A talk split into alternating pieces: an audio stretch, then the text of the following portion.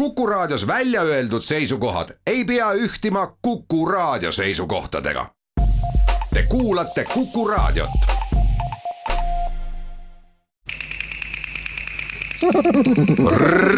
reisirada üks legend on selline, et see on tulnud sõnast, venekeelsest sõnast rjabina ehk pihlakas. ja selle tõttu on selline nimi, et keegi tsaari õukonnast oli lasknud pulli lahti ja olid otsustanud, et millise puu juurde läheb, siis selle nimi saab ja nii ongi Räpina, aga ma ei tea, kas see on õige, ma ei elanud sel ajal seisame muljetavaldavalt kauni maakivist hoone ees ja räägime selle juhataja Leo Kütiga, kelle kohta öeldi, et kui te Räpinas ajaloo ja legendide kohta midagi teada tahate saada, siis on see just tema, kes seda rääkida oskab.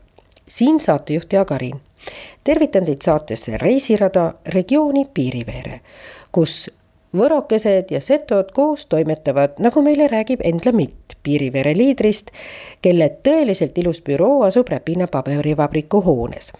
hoone, mille ees meie aga just vestleme, on üheksateistkümnendal sajandil ehitatud mõisa tall Tõllakuur, mis elab kirjutelu loomemajana, kus saab end teostada ja ellu äratada oma sisemine loojaloom täna toimetab uue katuse all viisteist püsihuviringi, mida külastatakse alates lasteaiast surmani välja, ütleb Leo Kütt. Need on kõik agarad lapsed eh, ja nad jõuavad igale poole. mul on ausalt öeldes vahepeal niisugune tunne, et eh, mõni perekond hoiab eh, leiva arvelt raha kokku, et siia tuua. päris ausalt kohe niisugune tunne on, kui ma tean, et ema palju saab Maximas või palka ja mitu last käib siin ringides ja mitmes ringis veel, siis on küll niisugune tunne. keskeltläbi käib meil kolmsada viiskümmend, nelisada inimest äh, iga kuu töötoas, kui arvestame, et Räpina vallas on ainult kuskil kaks pool tuhat elanikku või siin mitte vallas, vaid linnas, eks. Aga äh, rekord oli meil vist eelmine aasta november oli mingi nelisada viiskümmend äh, inimest käis läbi ka valla toetus on olemas, sest vald on aru saanud, et raha teeb raha. aga ka kunstivaldkond pakub üllatusi. ausalt öeldes need, kellega nõukogude ajal koos, mehed, kellega koos viina võtsin ja mitte vähe, ma ei teadnudki, et nad õhtuti kodus maalivad. nüüd tulevad pakuvad, kuule, tule vaata, kas minu tööd kõlbavad. ja üks teine niisugune naljakas juhus oli see, et eh, maailma nimi Aapo Pukk eh, viis siin läbi meie maakonna kunstiõpetajatele ühte seminari või töötuba. ja siis tuleb, vaatasime siin saali ja tuleb, ütleb, et kuule, mina tahan ka oma näitust siia. ma ütlesin, et vot, ei saa, sa ei ole seotud Räpinaga. mõtles natuke, ütles, et kuidas ei ole. kolmkümmend neli aastat tagasi olin ma Räpinas praktikal, ma otsin selleaegset tööd üles, et paneme kohe välja. ja otsiski ja panigi loomemajas saab teha mitte ainult paberit vanal viisil, vaid ka lindistada plaate moodsal viisil helistuudios siin on äh, küllaltki niisuguseid äh, bände teinud oma plaate, viimane, kes tegi enda plaati, oli äh, Ülle Kauksi ja, ja see, noh, ma ei saa nüüd järsku öelda. Evar Riitsar tegid oma plaati. enne seda kolm plaati tegid Netsa, kaks plaati tegi Netsaja bänd ja ühe tegi siis Toomas Valk ise. au ja kiitus neile, et me isegi ei esitanud seda nõuet, et meie logo peaks seal plaadi peal olema, aga nad ise panivad, küsisid luba, et kas me võime panna. et meile nii väga meeldis.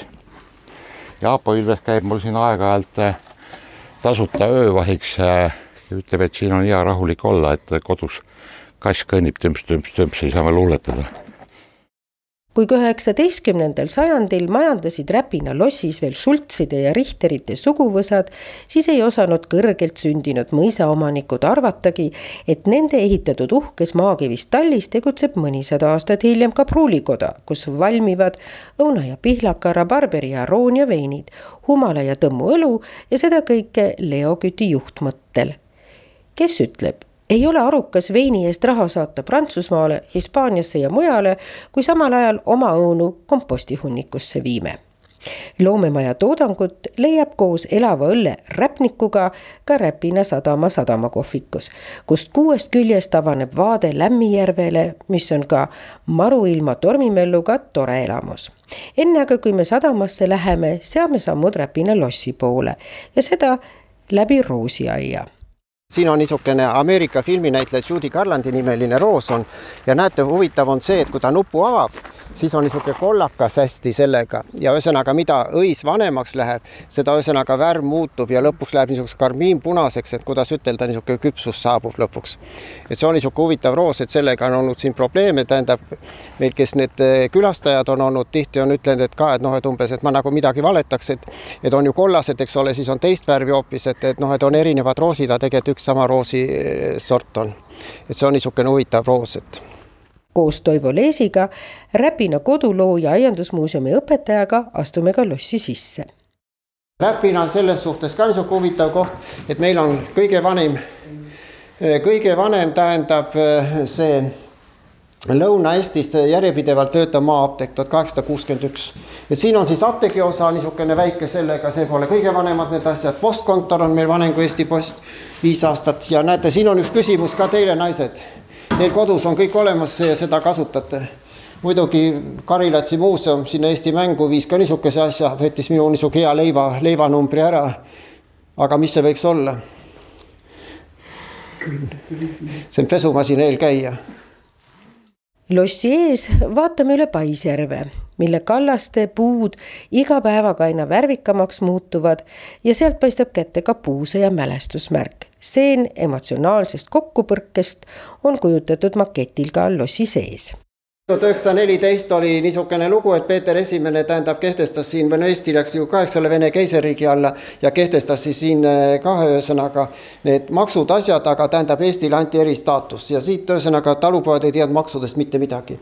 aeg läks siis edasi, niikaua kui tuli Katariina teine võimule ja Katariina teine siis ühtlustas kihelkondades või, või kubermangudes need maksud ja üks siis oli sellega, et, et siin siis Räpina talupojad, niisugused ärksamad, need käisid Riias seda õigust otsimas, mõtlesid, et kui maksavad keisrinnale maksud ära, siis on kogu lugu, eks ole. ja Räpina talupoegadel oli väga suured koormised, kuna kirik hakkas valmis saama, kirik sai ju üks aasta hiljem, kui see, see oli tuhat seitsesada kaheksakümmend viis, see oli tuhat seitsesada kaheksakümmend neli püüdi seda asja lahendada, kutsuti sinna Alamõisasse nad kokku, sõdureid oli kolmkümmend, talupoegi öeldakse, et kuni viissada ja nii nagu ikka, me midagi õigust otsime, siis oleme niisugused aktiivsed ja agressiivsed ja emotsionaalsed, nendel hõlma all siis kaikad ja noh, nagu ikka, seal läks löömaks lahti tulistamiseks. ja noh, lõpptulemus oli see, et, et järgmised päevad siis ühesõnaga tuli Krahman Teufel tuli Riiast, tema siis püüdis seda asja siin noh, selgeks rääkida jah, ja osad said oma vitsaabid kätte ja elu läks ikka sama rada edasi. aga see sündmus on niisugune see, et huvitav, eelmine aasta Kersti Kaljulaid oli ka, kui ta siin oli, ma tegin talle nelikümmend viis mintit seda Räpina tuuri ja siis üks niisugune tingimus või mitte tingimus ei olnud, aga noh, ühesõnaga selle kantseleiga, tähendab, sealt tuli nagu see, et tema tahab sellest siis nagu põhjalikumalt ja rohkem kuulda. et see on niisugune esmane väljaastumine, see Räpinas oli kõige suurem, teistes olid väiksemad need kohad niisugused sellega aga tagasi mõisa juurde, mis säilis tänu Viljandimaal asuvale Heimtali mõisniku pojale Peeter Anton von Sieversile ta oli kuu aega siin Räpinas, et nii nagu kaasajal käiakse vaatamas enne töökohta, kui võetakse vastu või midagi ostmise sellega. ta oli kuu aega siin, käis ühesõnaga metsad läbi, vaatas, kuidas talupojad elavad. ja midagi ta niisugust head siin ees väga ei olnud, sest talupoegade majad olid ilma korstnateta, Viljandimaal olid juba kõik korstnatega. ja see paberiveski olukord, see oli ka niisugune räämas ja mitte kõige paremas olukorras nii, aga siiski ta otsustab, et ta tuleb siis oma proua ja oma kuue lapsega siia Räpinasse ja tuhat kaheksasada viiskümmend kolm on siis niisugune tärmin, kus ta pandib selle mõisa, sest tal nii palju raha ei olnud korraga ja tulevad nad siia Räpinasse. kus nad täpselt elama hakkavad, selle kohta on mitu-mitu küsimärki õhus. et seesama mõisahoone, mis meil siin selja taga paistab, et Sillapäe loss, nagu rahvas kutsub, või siis Räpina mäemõisa härraste maja et selle ehituse kohta on niisugused, kuidas ütelda, kaks ajaloolast omavahel siis eh, noh, kas nüüd just vaidlevad, aga eriarvamused on. et arhitektuuriliselt kuuluks see maja hilisklassitsismi perioodi, kuna need sambad ja kõrval need osad, et, et need on kõik selle perioodi omad aga samas on jälle sellega, et Ants Hein, kes on uurinud õisu asja, niisugust seda, et noh, et tema väidab siiski, et see on Siiversit ehitatud, et võib-olla on ka nii, nii nagu kaasajal on, et kellel raha, see valib ka projekti ja ehitab siis sellise hoone, nagu ta tahab, et lähtuvalt noh, et sõltumata sellest ajastust. Sillape mõis avab oma uksed peale renoveerimist kahe tuhande kahekümne esimesel aastal. siis näeb ka, kuhu paigutub Nõukogude akadeemiku Ivan Mitšurini bareljeef, kes aretas taimi oma vaatenurgast. inimene võib ja peab looma uusi taimede vorme paremini loodusest, nii ütles ta ta valmistas endale töökojas okuleerimismasina õunapuude jaoks, aparaadi lõhnaõlide ajamiseks roosidest ja fakt on, et ta on rikastanud viljapuude valikut põnevate ristanditega nagu Pihla aroonia, mida leiab puukoolides ka Eestis Sillapäeval saab tutvuda ka Adolf Vaigla aretustööga, mille paremad sordid võib leida rahvusvahelisest sirelisortide registrist, mida peetakse Kanadas Hamiltonis asuvas kuninglikus botaanikaaias. meil on siin ju päris korralik Adolf Vaigla sirelite kollektsioon, mida siis on äh, Läti poolt täiendatud ja, ja meie, meie oma äh, Eesti sortidega ja et et, et, et, et see on äh, kevadeti väga ilus, et, et äh, ausalt öeldes on imekspandav, et, et kui erinevad võivad olla sirelid. et see on äh, täiesti midagi muud, kui ma ise näiteks lapsepõlvest mäletan, et, et, et noh, sireli oli kahte sorti ja ühed olid valgete õitega ja teised olid lillade õitega see ei ole nii. Et neid on ikka noh, ma arvan, et võib öelda julgelt, et sadu. Räägin Räpina aianduskooli direktoriga, kelleks on Kalle Toom, kes ütleb, et Räpina oligi väga hea koht sellise mastaapse aianduskooli tekkimiseks, sest just siin on ka kliima veidi pehmem kui näiteks Haanjas. Nii väikses, väiksele maale teist puhast aianduskooli äh, ei mahu loomulikult siin meil on ju teise, teisi kooli ka, kus äh, mõnda aianduslikku eriala õpi- äh,, õpetatakse, aga, aga mitte äh, sellist täies ulatuses, et, et nii floriste kui aednikke äh, neljal erineval äh, tasemel äh,, maastikuehitajaid äh,, siis äh, keskkonnakaitse on praegu kutseõppeasutustest äh, on ainukesena äh, meile alles jäänud. ja noh, selles mõttes me oleme üsna spetsialiseeritud kool, et meil ongi ainult üks eriala veel ja see on tekstiilkäsitöö ja need omavahel klapivad väga hästi kokku.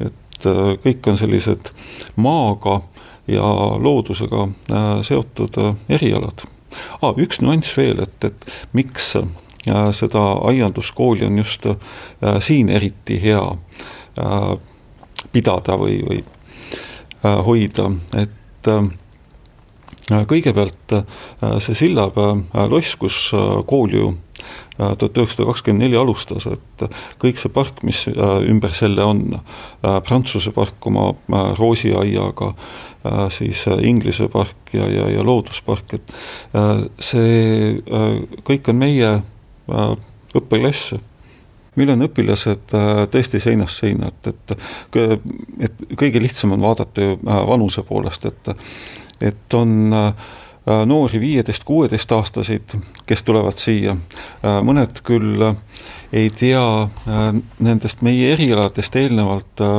palju suurt midagi, aga täiesti märgatav osa tuleb väga kindla äh, sooviga saada aednikuks või saada maailma parimaks maastikuehitajaks või floristiks või kas või keskkonnakaitsjaks.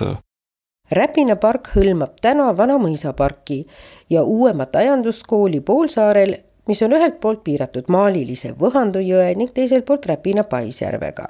uhkuseks on pargis ka ligi kahesaja aastased Pärna hiiglased, aga erilisi eksemplare on veelgi muidu on tegemist tavalise haavaga ja kahearulisega, aga, aga see, et, et need kaks tüve on nüüd, on ülevalt uuesti omavahel kokku kasvanud, et, et see on küll väga haruldane aga te ei ole talle nime andnud siin pargis, siia võiks ju panna sildi Selle... Romeo ja Julia või?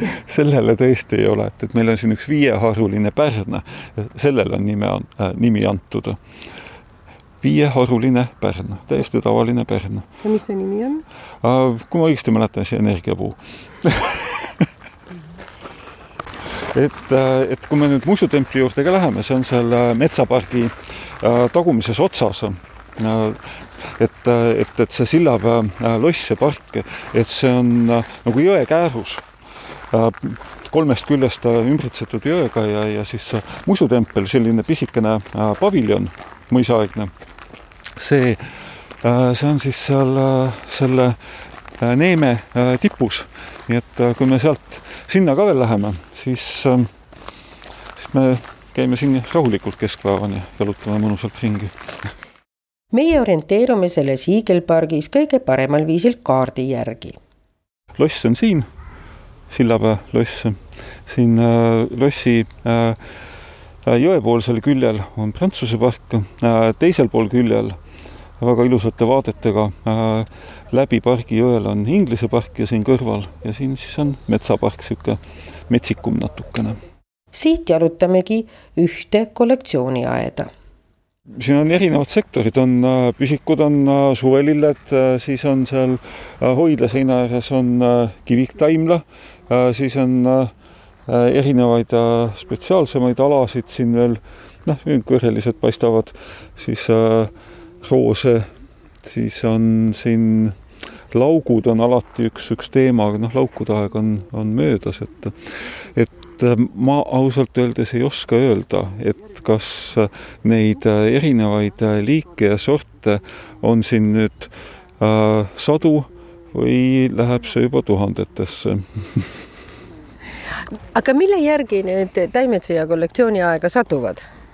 ega nad ei satu siia, et äh, siin ikkagi äh, õpetaja teeb äh, väga konkreetse plaani, et mida ta siia panna tahab äh, mis äh, mi-, äh, mida on oluline teada äh, nii iluaianduse poole pealt kui ka siis maastikuehituse, maastikukujunduse poole pealt, et siin oleksid need näidised olemas. ja lisaks nüüd otseselt õppealasele otstarbele, see on, äh, see on hästi suuresti ka iluasi.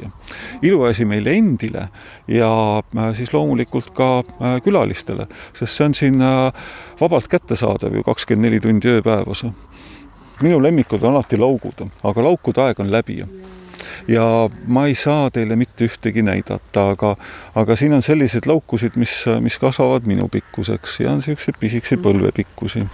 ja siis nende ümber lendab alati kimalasi üks ports. Ja see on väga ilus vaadata.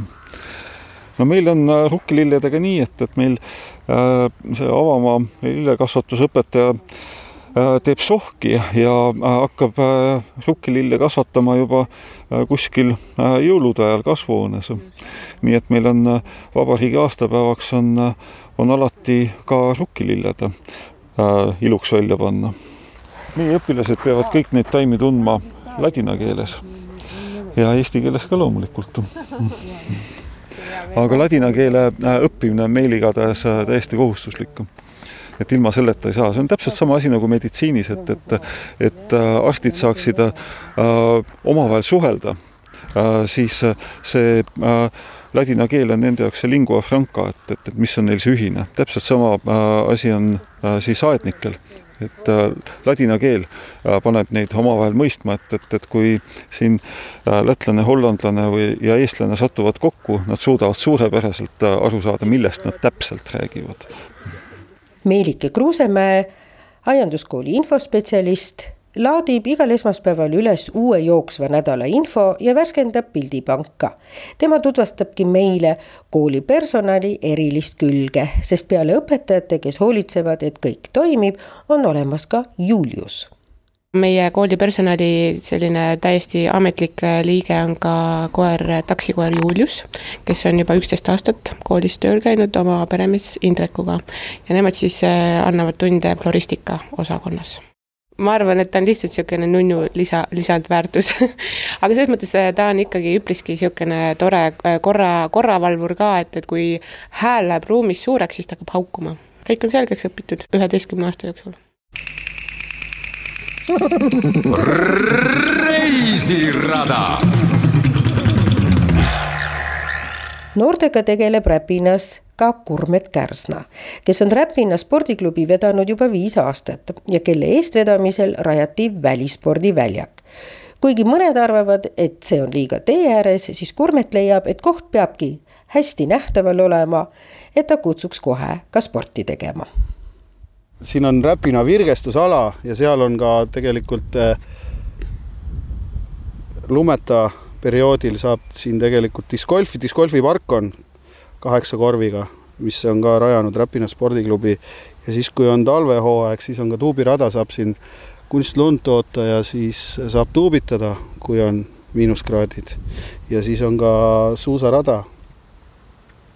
Äh, kas ka öine valgusega? ei ole kahjuks. Aga me püüdleme sinnapoole Kurmet ise sõidab jalgrattaga, ujub ja õpetab ujumist, mängib võrk- ja korvpalli ja diskgolfi. ja paljudel spordialadel on ta koolinoorena kergejõustikus olnud ka maakonnameistriks. halb on vaadata, kui midagi ei tee, et kui ise ei tee, siis ei tee nagu keegi. et sellepärast, et olen, olen ka praegu Räpina spordiklubis eh,, spordikoolis kergejõustikutreener ka väikse koormusega ja ja siin Räpina piirkonnas korraldame ka võistlusi, et Räpina spordiklubi on, kes korraldab siin võistlusi, meil on matkasarjad, siis on suusavõistlused, rattatuur, triatlonivõistlus, lasterattapäevad, et üht-teist ikka on, aga võiks ikka tegelikult rohkem olla ja Räpina inimesed võiksidki olla tegelikult natuke aktiivsemad. Neile annab Kurmet kümne palli skaalal kuus punkti tema värvilisel spordisärgil on ka Räpina valla vapp, kes toetab spordiklubi tegemisi.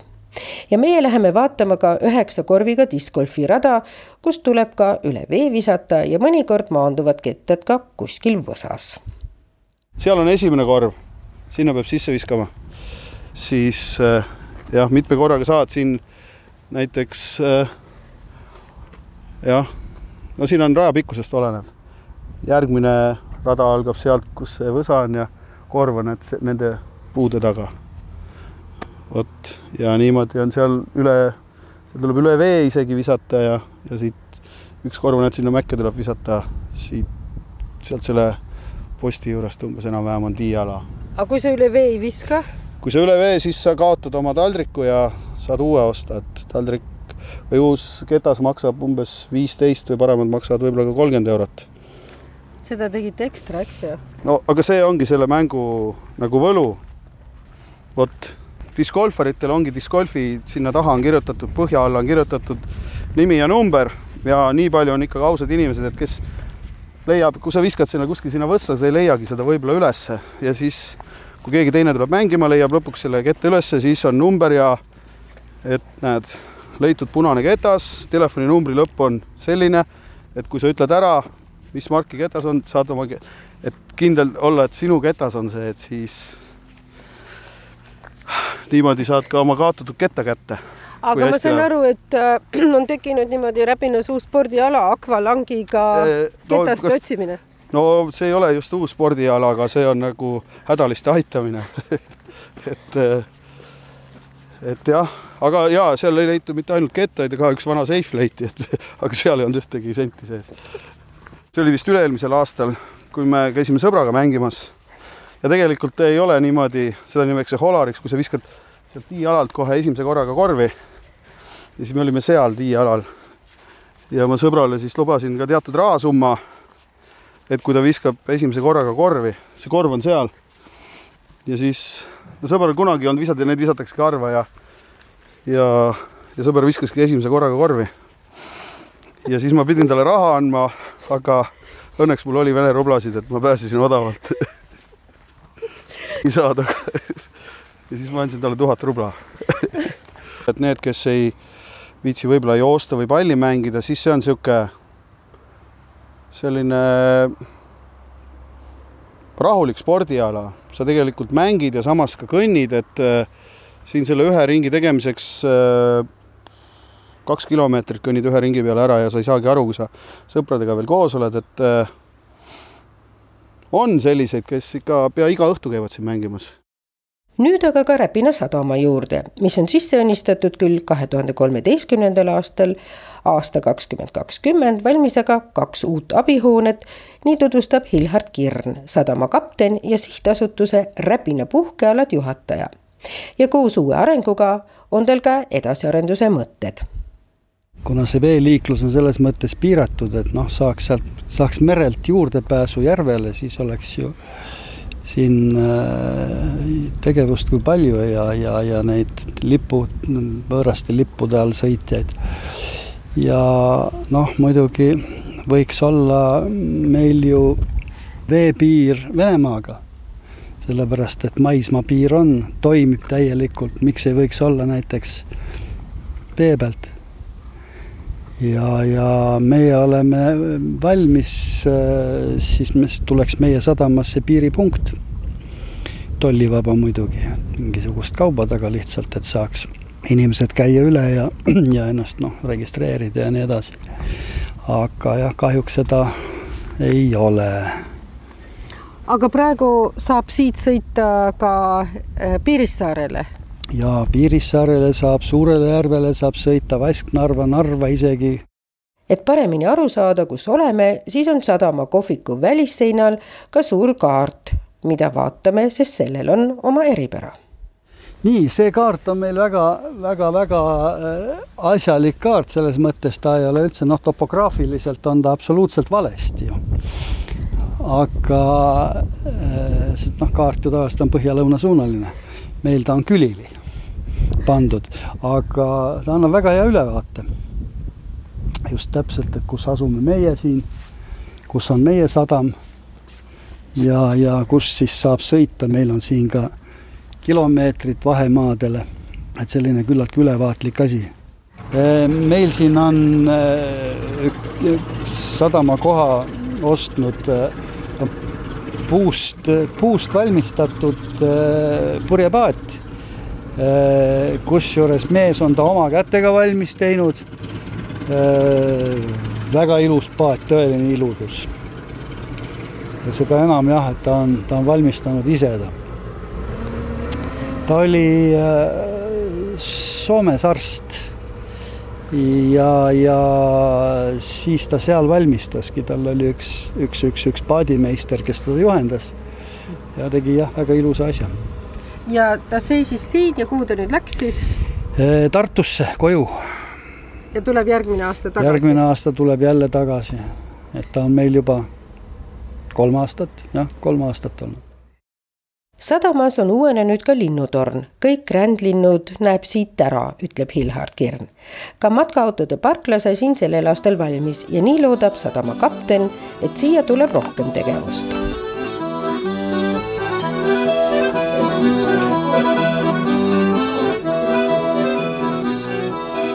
Minu nimi on Inara Luigas. ma olen kuuekümne ühe aastane. ja praegu. jumalast seto ja praegu olen selle maja perenaine.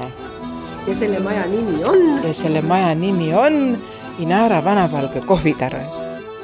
nii algab meie vestlus Seto kuningriigi endise ülemsootska ja Riigikogu liikmega, kelle juhtmõtteks on elu läheb edasi, aga kui millessegi väga kinni jääda, ei saa uusi uksi enam lahti kui oled ühe sammu teinud, siis vaata, kus on avatud aknad või uksed ning astu rahulikult ja rõõmsalt edasi küll midagi tuleb. ning uue väljakutsena tuli tema ellu oma restoran, sest tegemist on ka mitmekordse sõirameistriga. Seto söögi. söögi. jah, seto süük, aga mis söögi? Niiviisi on äh, käändmine õige, keeruline, hästi keeruline. me ei mõista isegi veel hästi seto keelt, siis veel mõni eestlane. Et siin me hakkame nüüd niiviisi süüma, et äh, see on siis edimene süük, et eh, seda võite siis maitsta, see on kivialune sõir ja see on sõir on siis nagu meie Setomaa identiteedi tunnus, et kuhu on seto küük, seal peaks olema ka nagu seto sõir ja sõir ongi nagu seto köögi identiteedi tunnus. aga seto sõir tetes meil siin kanti nagu kattemuudu on selline pehme sõir, mida tetes võiuga aga see on selline vanaoline retsept, see on kivialune sõir. et innevanast üteldi niiviisi, et piimest võetas viimest, et kuur, lõss, kõik vadak, kõik läts käiku ja see kivialune sõir on siis niiviisi, et lõssist tehti kohopiim ja tuust kohopiimest tehti sõir ja pandi kiviala ja siis sai selline nagu juustumuudu süük. ja sõir on siis iga pidulava peal ja väga tähtsa süük oli äh, surnuaia, kui oli selline surnuaiapüha või mõnegi selline kirikupüha, siis alati võeti sõira ütte. ja siis tõnesüük on meil siin praetud sõir, sedasama sõira kivialust sõiras, aga praati võiuse ja siis ta võttis ainult krõbeda nagu kooriku peale, aga on hästi maitsev.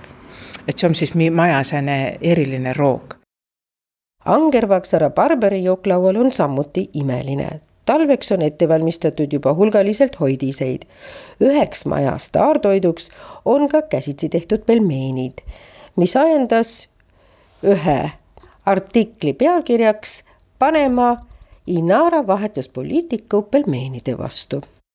Ma käin viis aastat tagasi Udmurdimaal ja siis eh, ma olen nüüd, ma ütlen kõigile, et ma olen diplomeeritud pelmeenimeister tuu tähendas, et, et Udmurdi memme mulle pool päeva seletiva, kus pead taignast tegema, kus pead taigna puhkama pandma, kus pead hakkliha tegema, kui sa hakkad tegema, et kui sa pead olema valmis vaimselt, kui sa pelmeene hakkad tegema, mõtled noide inimeste peale, keda, kellele sa neid pelmeene hakkad pakma, et et vot see kõik energia ja see, see söögi tegemine on pelmeenide selline lahutamatu osa.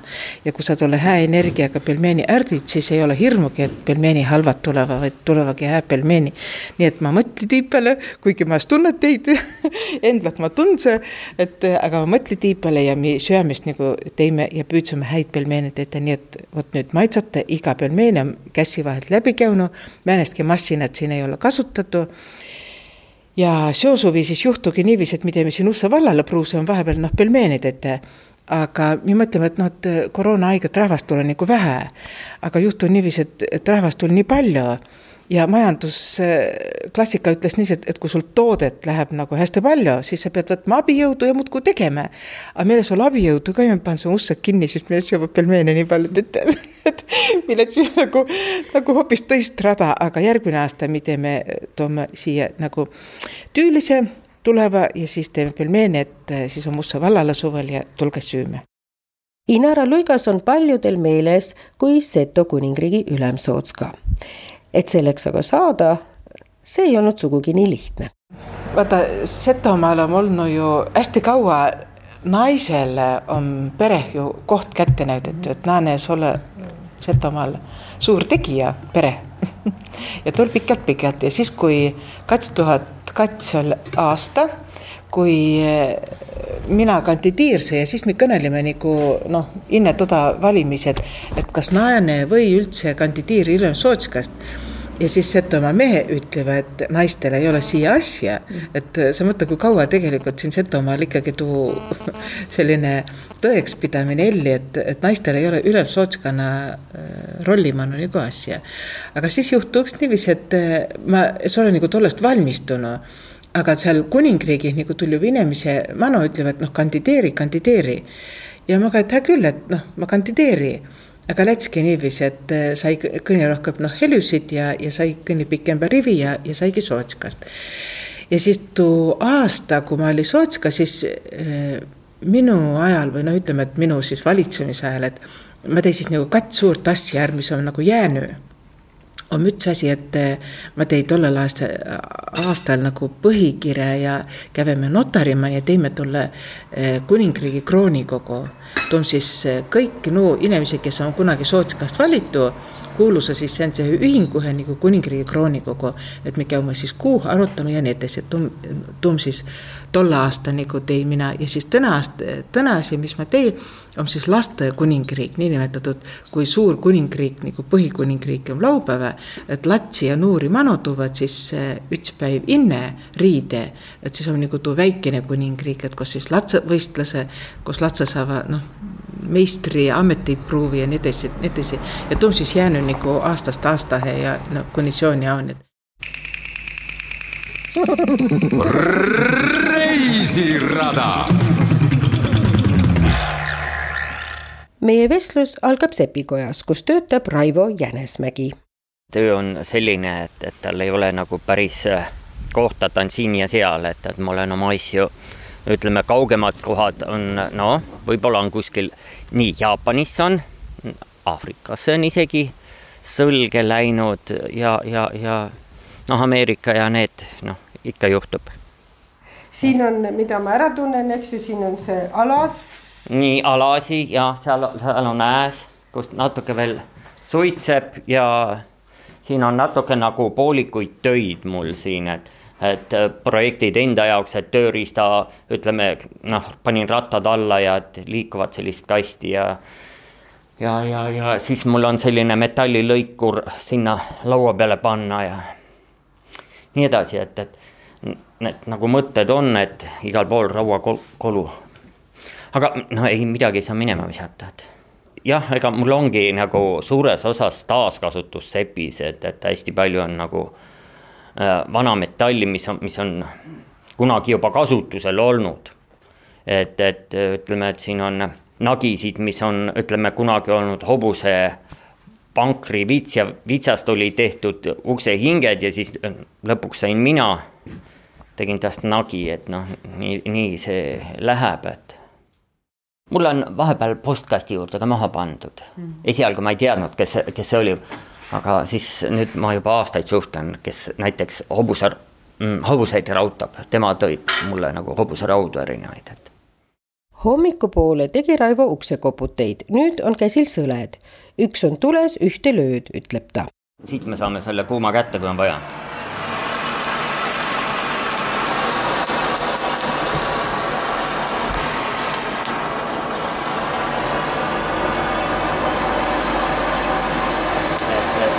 on nagu puusütt. ja kui saab äh, ütleme paraja temperatuuri kätte, siis saab äh, erinevate haamrite ja, ja ütleme noh, tööriistadega talle vastava kuju anda. isegi soojamüüri konksud on väga olulised asjad. ma olen ikka ütelnud, et kui soojamüür teha ja konkse mitte panna, siis ta ta on lihtsalt selline soe müür, aga vaata, kui on konksud ka, siis saad oma riideid kuivatada, et noh, vanasti me mäletame sellest ajast, kui ütleme, need öö, lõigatud õunad või, või puravikud seal nööri järgi olid pandud, et kuivasid. siis, siis noh, tänapäeval on pigem, et sa tuled väljast, paned oma kindad sokid kuivama või saunast tuled, paned oma käterätiku sinna nööri peale, ongi kõik, et. nii et täna on neid samamoodi vaja kui siis, kui metsaande kuivatati? no nüüd on jah, ega meil on ka, on see ikka elektriline kuivatus ka olemas või, või paned praeahju. aga, aga noh, et elu, elu läheb nagu edasi, et hea meelega oleksimegi sinna jäänud mõistatama metallesemete juures, mida meie ei olnud kunagi näinud, aga Raivo Silm sepana tunneb nendes ära imelised asjad, mis täna meie maailmas juba kaduma kipuvad mis oleks aga räpina ilma paberivabrikuta, mis on üks Põhja-Euroopa vanimatest järjepidevalt töötav manufaktuurne tööstus, mille paberit pidid tsaaririigi džinovnikud prikaasiga kasutama Sillapäe lossis hoitakse aga pudelid, milles leiti dokumendid esimese vabrikusse toodud masina kohta. ja mis oleks piiriveere ilma Leevaku hüdroelektrijaamata. jää on, siis on hästi ilus siin, et vesi voolab sealt see vesi, see on nagu väike juba. jah, see, see on äh, selleks tarbeks, kui vett on rohkem, kui elektrijaamast läbi mahub, siis äh, tuleb lasta siit vesi lihtsalt mööda siin on nii hüdroelektrijaam kui ka muuseum. Jan Niilo, AS generaatorjuhatajat, tunneb mõlemat hästi. Ma arvan, et tehnikahuvilised peaksid saama siit päris hea sellise ülevaate, kuidas kuidas selline, selline süsteem toimib. mitmes keeles saab nüüd seda selgitust kuulata? Äh, täna on meil siin kolm keelt, ehk siis eesti keel, äh, vene keel ja inglise keel. kui ma nüüd siin vaatan neid turbiinide selgitusi, siis muidugi nimi Archimedes võib nii mõnelegi midagi öelda, aga Belton, Francis on kindlasti uued asjad noh, tegelikult nad nii väga uued ei ole, et, et äh, see tehnoloogia on olnud ikkagi juba päris äh, noh, ütleme peaaegu sajandi vanune. küll aga neid on edasi arendatud ja, ja nad on paremaks muudetud, et noh, siin kaks esimest äh, turbiini meil Eestis eriti kasutusel ei ole. tähendab, Pelton turbiini pole üldse, sest et meil ei ole nii suuri mägesid, kust vesi alla võiks voolata ja Francis turbiine on siin ainult mõnes hüdroelektrijaamas Eestis ja peamiselt on meil siis ikkagi sellised Kaplan turbiinid ehk siis, mis meenutavad rohkem propellerit ja nende labad ja juhtlabad on siis liigutatavad vastavalt vooluhulkadele. aga kuidas see kruviturbiin Archimedesega seotud on? kruviturbiin ongi teise sõnaga Archimedese kruvi ehk siis äh, see on üks äh, tegelikult üks vanimaid turbiinitüüpe, kui mõelda ajaloost tagasi. teda küll kasutati pigem sellise pumbana seal juba enne, enne aja arvamist. aga tänaseks, miks ta on nagu tõusnud esiplaanile, on see, et, et ta on selline kalasõbralik ja, ja siit võivad ka kalad läbi ujuda. masinaruumis on tõsiselt suured ja lärmakad masinad. Tiina Bergman, kes terve elu on siinkandis elanud, näitab suurtel seintel fotode pealt ka oma perekonnaliikmeid. et äh, selle pildi peal on minu vanaema, vanaisa, minu ema ja onu ja tädi. nii et minu vanaisa Eduard Peedosk oli ka väga aktiivne mees ja, ja ta oligi siis äh, piimatööstuse turbatootmise üks rajajaid siin siis neil oli oma kauplus, aga kõik see ja neil oli maja seal ristmiku peal, aga see kõik sõja ajal hävis. ja kes selles uhkes autos on, ka vanaisa? ei, see on Voldemar Tammann, aga vanaisal oli ka mingi auto küll jah, aga mitte see.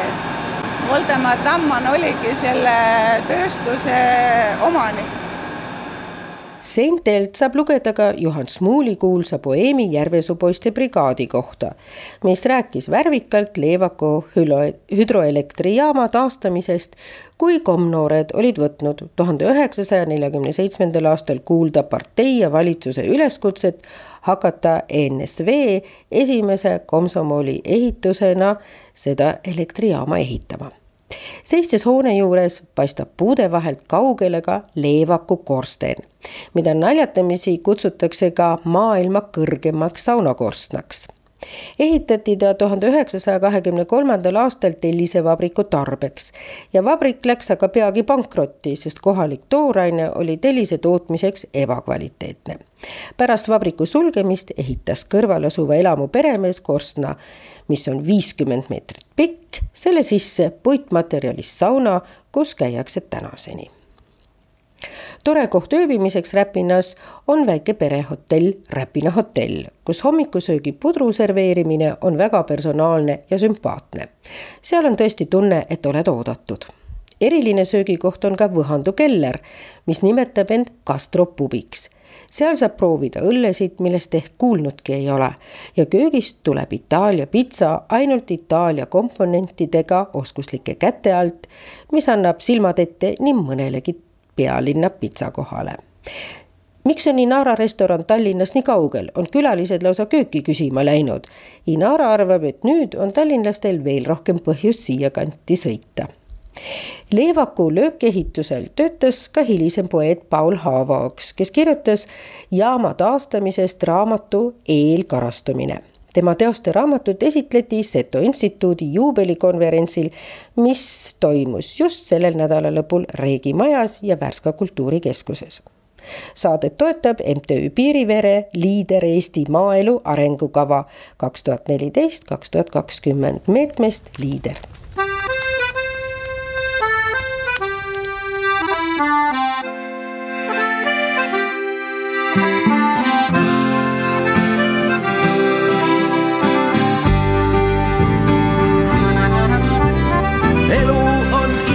ja tuju on hea, just sõbrale mõeldes said tehtud need read. aega ma võtsin, laul südamest sai, sõnaga sõbrale teha saab pai. sõbraga koos lihtsam on töö, sõbraga koos valgem on öö, sõbraga koos maitsvam on söök ja lõbusam nöök.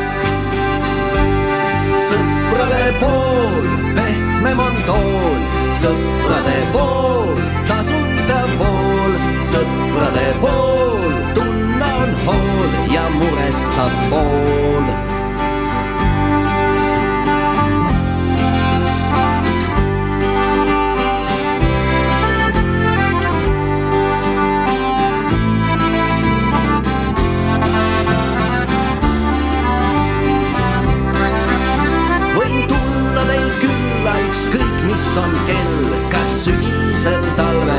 suvel, kevadel. ma tean, et mind ootate päeval ja ööl, ma tulen küll teinekord tehtud saab töö, sest sõbraga koos lihtsam on töö, sõbraga koos valgem on öö, sõbraga koos maitsvam on söök ja lõbusam nöök. sõprade pool pehmem on tool, sõprade pool tasuta pool, sõprade pool tunne on hool ja murest